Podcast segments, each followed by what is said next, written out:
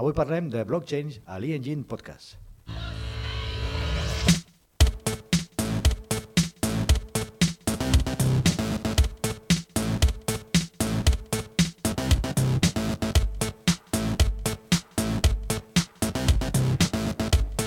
Doncs avui parlem de blockchain i com sempre tenim aquí el Martín. Martín, benvingut una altra vegada.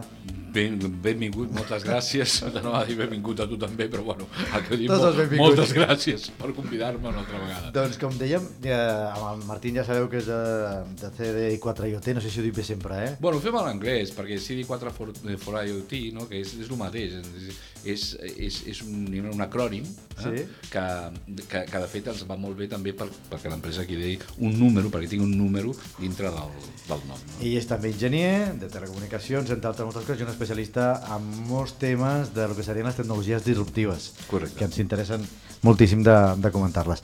I avui volem parlar de blockchain. Jo la primera vegada que vaig parlar, vaig, que no sabia que era absolutament res, perquè clar, aquestes coses t'arriben quan t'arriben, no? És a dir, hi ha un moment que t'arriben i dius, ostres, això què és? Eh, la gent comença a parlar-ne i jo crec que primer que hem d'explicar què és el blockchain i una mica quines aplicacions té, no? Mm. Hi, ha, hi ha un tema que és molt interessant que eh, quan parlem de blockchain de vegades es confon molt amb bitcoin no? Mm. I, i, Va lligat, sí, jo, jo, Sí. jo, jo abans ho comentàvem, és a dir, Mm, mm. a micro- criptomonedes, bitcoins, Sí. i, i no sé això ben bé, no? Bueno, hi ha un fotimer de vídeos allà per internet que podem trobar on t'expliquen eh, la diferència entre blockchain i bitcoin. Però ara farem un petit resum, eh, si vols. De fet, el bitcoin és una criptomoneda eh, i funciona eh, precisament amb aquest sistema que es diu blockchain. Però blockchain què és? De fet, és un, un sistema que es va crear fa uns anys i el va crear un tal Yatoshi Yakamoto. Aquest, aquest personatge és un personatge que no se sap ben bé si existeix o no. Eh? Bueno, pot ser... És un ente, És no? un ente, sí. És un sí, ente que no sí. sabem ben bé qui és, sí, no? Sí, correcte. Eh? Pot ser com el Yoshi Kabuto eh? de, de, de, de Mazinger Z eh? o, o, o qualsevol d'aquests personatges d'anime. Però, eh, de fet, darrere de tot això, el que s'hi va crear és un sistema molt interessant. S'hi sembla molt amb, amb, la, amb una base de dades, eh, podem dir, distribuïda. Mm? Què vol dir? Fa uns anys hi havia un programa que es deia BitTorrents i era un programa que mm, bueno, et permetia compartir eh, vídeos, música online. Sí, Llavors, sí, sí. No sé si recordes, no? Sí que la gent s'ho baixava, hi havia pel·lícules i la gent s'ho baixava... i tal, i tot, llavors tu et baixaves unes pel·lícules, comparties altres i Mm. no hi havia exactament, podem dir, un lloc on, on estava tot ficat en un sol lloc, mm. sinó que pel contrari totes aquestes dades estaven distribuïdes i es compartien, no? Es compartien amb una xarxa que és típica que es diu peer-to-peer. Què vol dir? Això vol dir que és una xarxa en què tothom eh, és més o més igual, no? Llavors compartir aquestes dades. Imagina't això, vale? però ara anem a canviar una miqueta el model. Estem en una xarxa d'ordinadors que comparteixen un llenguatge, per dir un protocol, eh, un sistema d'intercanvi de dades en comú. Llavors jo, per, per poder treballar amb un blockchain, em fan falta un software. Llavors tinc que instal·lar un software dintre del meu ordinador que em permet o bé crear o bé form- formar part eh, d'aquesta xarxa d'ordinadors. Però té una característica molt interessant aquesta xarxa d'ordinadors que té el que es diu un ledger. Què és un ledger? Un ledger és, és, és com una petita base de dades on s'amagatzemen totes les transaccions que es fan entre els diferents ordinadors. Cada ordinador d'aquesta xarxa blockchain, eh, el podem dir que és, és un ordinador que es diu un nodo. Llavors, si imagina't ara que fem un, una transacció, no ha de ser necessàriament una transacció monetària, Sí, el que sigui. Un... el que sigui. Imagina't D'informació que- o de documents el o... Martí li dona eh, al Xavi eh, o li cedeix al Xavi doncs, eh, jo què sé, podem dir 4 quilos de patates, d'acord? I això queda enregistrat aquesta, diguem-ne, llibre de comptabilitat, podem dir, no? Llavors, què és el que passa? Automàticament, eh, aquest, aquesta transacció queda enregistrada no, no únicament al meu ordinador i en el teu, sinó en tots eh, els que formen part d'aquesta xarxa. Què vol dir? Que mm, el sistema és molt segur. Per què? Perquè a mesura que es fa més gran aquesta xarxa, més gran és la seguretat. Estàs dient com que si, és com si jo tingués un document i el tinc replicat a molts ordinadors Correcte. i per tant si d'alguna perdo un continuo tenint els altres? O una cosa encara millor. Imagina't que hi ha un hacker eh, que vol canviar aquesta transacció i vol dir que jo no té eh, cedit aquestes patates. En més de 4 quilos, no me'n recordo ara si ven de Sí. 4 o 5, bueno, imagina't que ara són eh, un quilo. Vale? I n'he perdut 4 quilos de I n'hem patates. perdut allà, hem perdut un, un, uns calés d'alma. Llavors, entra aquí i es vol, aquesta transacció la vol modificar. Automàticament la resta, eh, pel sistema de seguretat i per com està dissenyat el protocol, eh, el que faria és detectar aquesta intrusió, eh, esborrar aquesta transacció i tornar a posar la Per correcta. tant, estan, hi ha un, és a dir, tu quan entres aquest document, aquest, eh, aquesta informació, que ha de ser igual a tot arreu? No, no, ha de ser igual a tot arreu? Ha de ser igual a tot arreu, correcte. I si hi ha alguna que per lo que sigui no és igual perquè està modificat, el que fan és te la Es- carregues es sincronitzen. a sincronitzar. es sincronitza. Per poder piratejar i per poder modificar de manera efectiva una xarxa d'aquest tipus, s'haurien de hackejar a la vegada més o menys el 51% dels nodos que estiguin actius. Això vol dir que, imagina't un pirata informàtic que ha de fer aquesta feina amb ordinadors diferents, amb sistemes operatius diferents, I sapiguent on estan, i, has de saber on, on t'has d'atacar, no? Has Exacte, i atacant de manera efectiva exactament al mateix moment eh, amb un 51% de les xarxes. Si tu tens quatre ordinadors, vale, pues a un 51% de la xarxa, evidentment, és molt fàcil, no? Home, clar, sí, és evident, sí, sí. Eh, És fàcil. decimal 5 és fàcil, no? Bueno, doncs ja està. Però imagina que tens 100.000, un milió, 5 milions, mm? 200 milions d'ordinadors. Això és impossible. És absolutament impossible. Llavors, què fa? Ha creat, crea o permet crear un sistema de seguretat molt sòlid per fer intercanvi de contingut digital. Això vol dir que podem fer intercanvi de contingut digital, puc, puc intercanviar eh, una transacció o un document, eh, que després ja en parlarem dels smart contracts que són molt interessants, o fins i tot una criptomoneda. Què és una criptomoneda? Pues, basat en aquesta xarxa del blockchain, eh, es creen les criptomonedes, però van a sobre.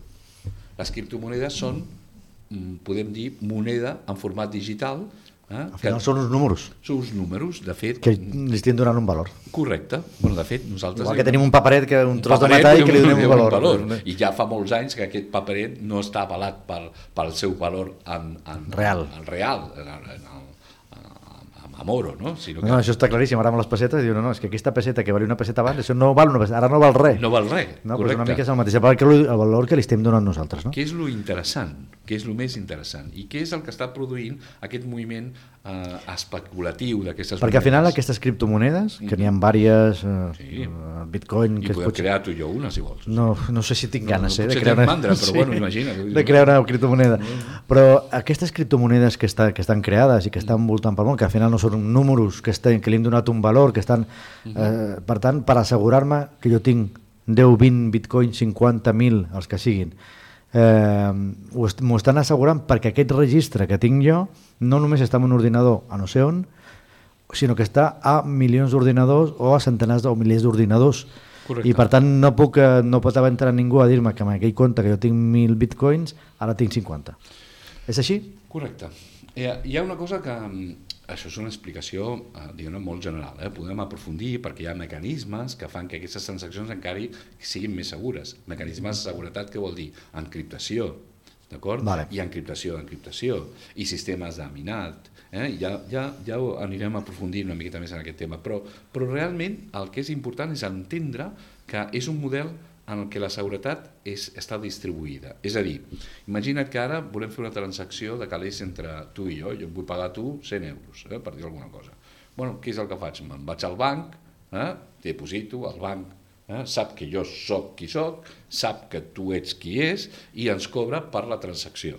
eh? I es queda un fi, o sigui, un, un percentatge d'aquesta transacció. I de vegades ens cobra eh, amb, per les transaccions que fem amb diferents bancs. Imagina't que tu ets d'un altre banc Sí, que no és el meu, llavors, clar, ens van cobrant per això. I si tu estàs als Estats Units, encara millor. O sigui, encara més ens cobra. O sigui, llavors tenim un mal in the middle. Què vol dir? Que si hi ha un hacker que ataca aquest banc a un únic punt, eh, doncs totes les transaccions que aquest banc estigui fent estan en una situació de perill.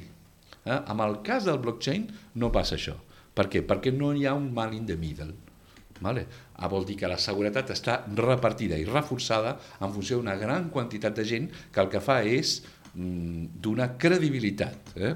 donar el trust, la confiança de que aquesta transacció és real. Mhm. Llavors, eh, tot això, és a dir, arribarem a veure, per exemple, bancs, empreses que fan servir tecnologia de blockchains per controlar aquestes transaccions, per controlar eh, per donar més seguretat als seus, als seus serveis? Els bancs han canviat molt. Mm? D'ençà que jo era petit, els bancs doncs, han anat ficant eh, cada vegada més ordinadors, després van ficant telecomunicacions, després s'han ficat a internet i es van adaptant, adaptant en funció que les tecnologies van canviant. Els bancs estan adaptant també a les criptomonedes eh, i estan fent aquests primers avenços en criptomonedes, però pensa que és un mercat en aquest moment eh, especulatiu, del risc i no regulat.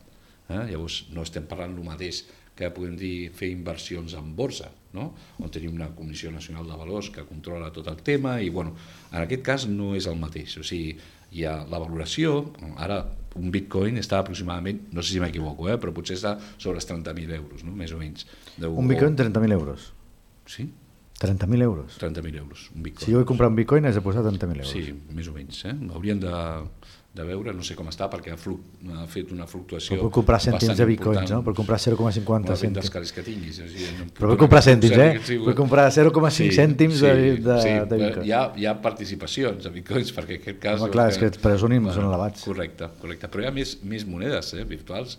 L'Ethereum eh, és una altra moneda eh, que té un sistema més o menys semblant al bitcoin, però que a més a més té la possibilitat de fer smart contracts, no?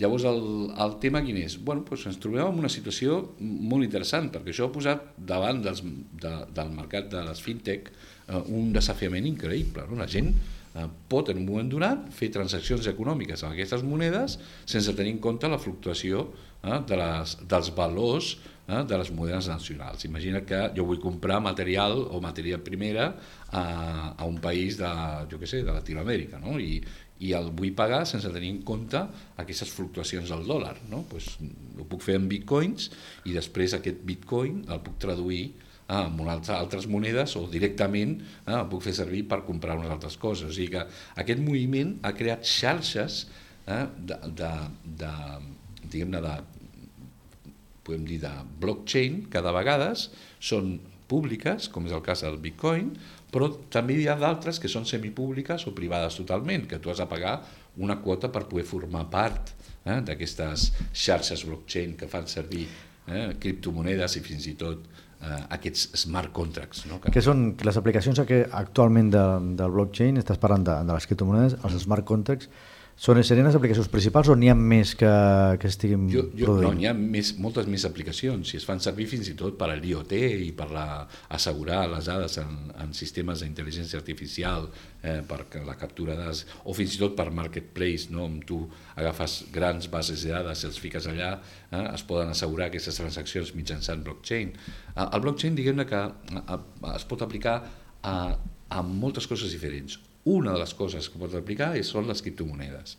Eh? El que passa és que de vegades confonem, eh? Fem aquesta, tenim aquesta confusió entre la criptomoneda i el blockchain, no? però són coses diferents. O sigui, la criptomoneda es basa en el blockchain. Fa servir el blockchain per, per, la seva, pel seu desenvolupament. Correcte, però jo també puc fer servir el blockchain per fer smart contracts. Qualsevol empresa pot fer servir el blockchain? És, és fàcil, diguem-ne, si jo sóc una empresa, mm. vull, vull, vull assegurar-me que les meves transaccions, els meus documents, que els tinc en un determinat servidor, doncs, uh, siguin més segurs, és fàcil de fer servir. És... és recomanable que quan fa servir aquestes tecnologies sempre estiguis recolzat eh, darrere d'algú que realment sàpiga com manegar aquestes xarxes i com crear aquesta estructura. O sigui, el fet que sigui gratuït i que sigui un software que tu te'l puguis baixar i crear-te la, la teva xarxa blockchain... És relativament fàcil, entenc. Sí, sí, no, no és realment molt complicat, però hi ha una sèrie de coneixements que has de tenir previs, no? o sigui, has, de, has de conèixer realment com, com funciona, però bueno, això és qüestió de paciència i qüestió d'esforç. De, no és impossible, no és absolutament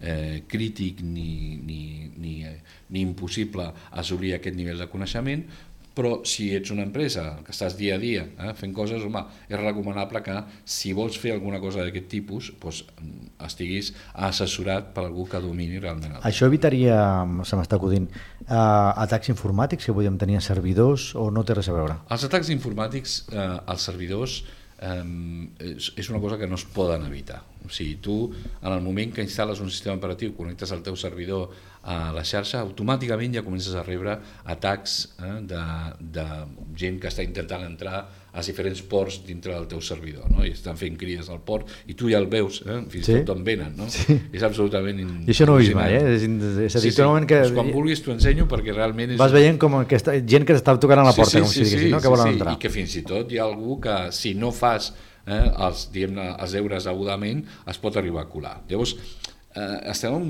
en un lloc que, que és una selva, és un lloc de risc. No? Llavors, el que no pots anar a la selva sense tenir ni idea del que és una anaconda, no? perquè, Clar. perquè el primer que Perquè farà n'hi ha moltíssimes, no? Ara n'hi ha moltíssimes moltes. i et menjaran. Llavors, però si ja més o menys saps el que és una anaconda i saps que on no has de, on no has de ficar la mà, eh, més o menys com has de continuar, doncs pots eh, Viure. viure Sobreviure. o sobreviure a aquest, a aquesta trajectòria amb un grau diguem-ne d'èxit bastant elevat.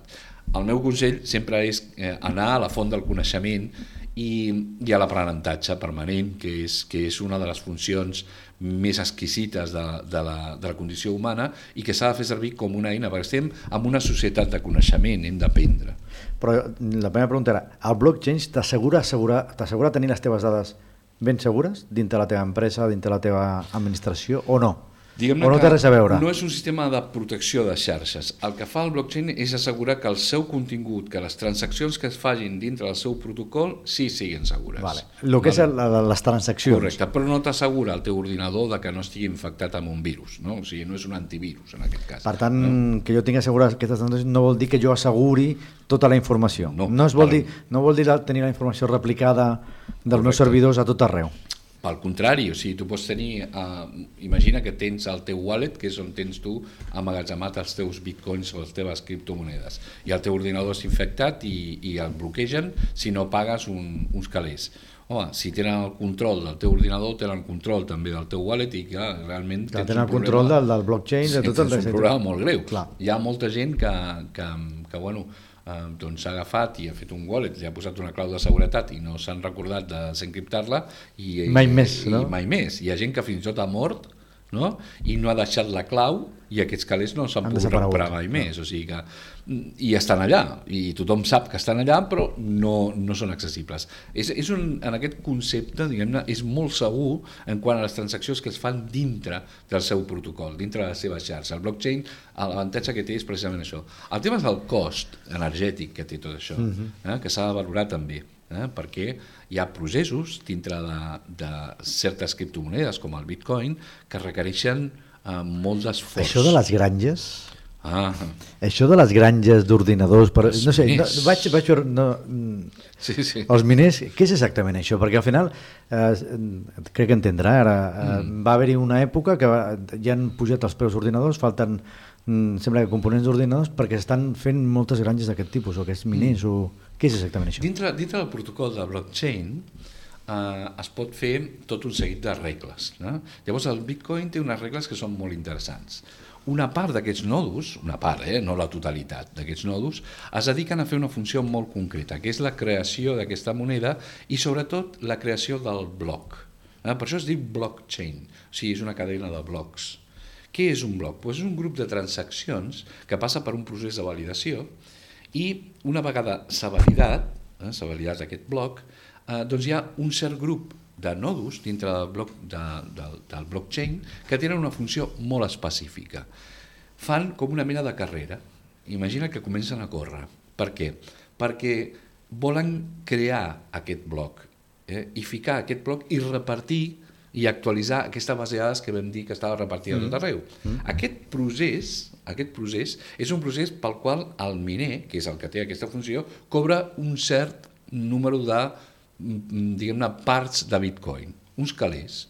Per, per, Mm. per, per trobar aquest, aquest espai, per Per, col·locar-lo. per poder crear aquest bloc Sí. i ficar aquest bloc dintre de la cadena Ah. que es fica en el ledger, que és on està tota el, la, diguem la base de dades, que es reparteix a tot arreu. Imagina't el, les, les transaccions, no? Un grup de transaccions, es crea un bloc eh, de 100 transaccions. Sí. Eh? Aquest bloc diu, molt bé, jo tinc aquest bloc, eh? qui el vol minar? Eh? Llavors hi ha una carrera. Què és una carrera? Doncs cadascun d'aquests fa el que es diu una prova d'esforç. Una prova d'esforç és que hi ha un càlcul que s'ha de fer i el primer que faci aquest càlcul és el que mina i crea aquest bloc, el fica dintre del ledger i el reparteix i per això rep uns calés. Per això és, ai, jo és que m'estic perdent una mica. És a dir, sí, sí, llavors, sí. això ho han de fer un, un, ordinadors de forma separades, no? Entenc jo. De fet, és a dir... estan competint. Aquesta prova d'esforç vol dir que, imagina't que et poso un desafiament matemàtic. Et sí. dic, bueno, esbrina a veure quin és el... I per què ho fan això? És a dir, per què es fa aquesta prova d'esforç? Es fa perquè, d'alguna manera, tothom tingui la possibilitat eh, d'alguna manera de tenir eh, una possibilitat de minar i de cobrar eh? i que no sigui un sol miner, perquè si no un sol miner agafaria i tindria Tot els... eh, totes les transaccions i guanyaria una fortuna. Clar. És una manera de repartir. Llavors, com es reparteix? Pues, mira, jo poso aquest desafiament, vale? i el primer, el primer que ho faci, mina el bloc. Eh? Llavors I aquests queda... desafiaments són desafiaments que són sempre iguals? O són... És una prova d'esforç. Generalment són eh, proves matemàtics més o menys eh, acordats. És a dir, eh, trobar per factorització un número primer no? Mhm. Sí, quan sumes els números primers... I vas anar buscant i... Vas buscant, vas, factur vas factoritzant, per posar un exemple, no?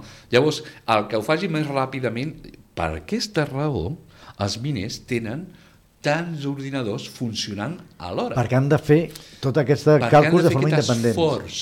Quan més infraestructura de hardware tinguin, més ràpids poden, podrien anar. Llavors, tindran més possibilitats de guanyar eh, aquest i, i, i crear aquest bloc. Eh?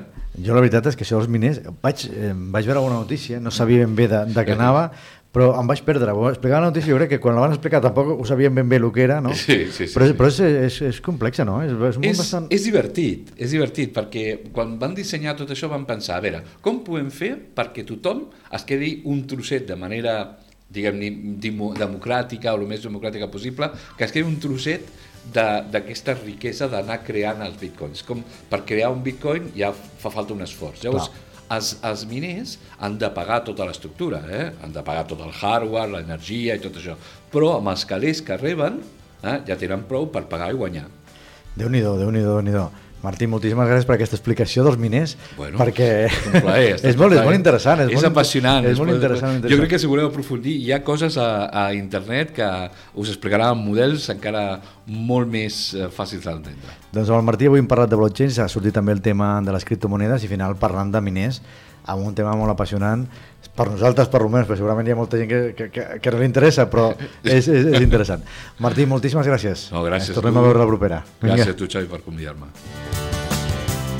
Doncs nosaltres ens tornem a escoltar i a veure, ja sabeu, a les diferents eh, zones on es podeu trobar, al YouTube, a diferents podcasts que podeu trobar al, arreu de les xarxes.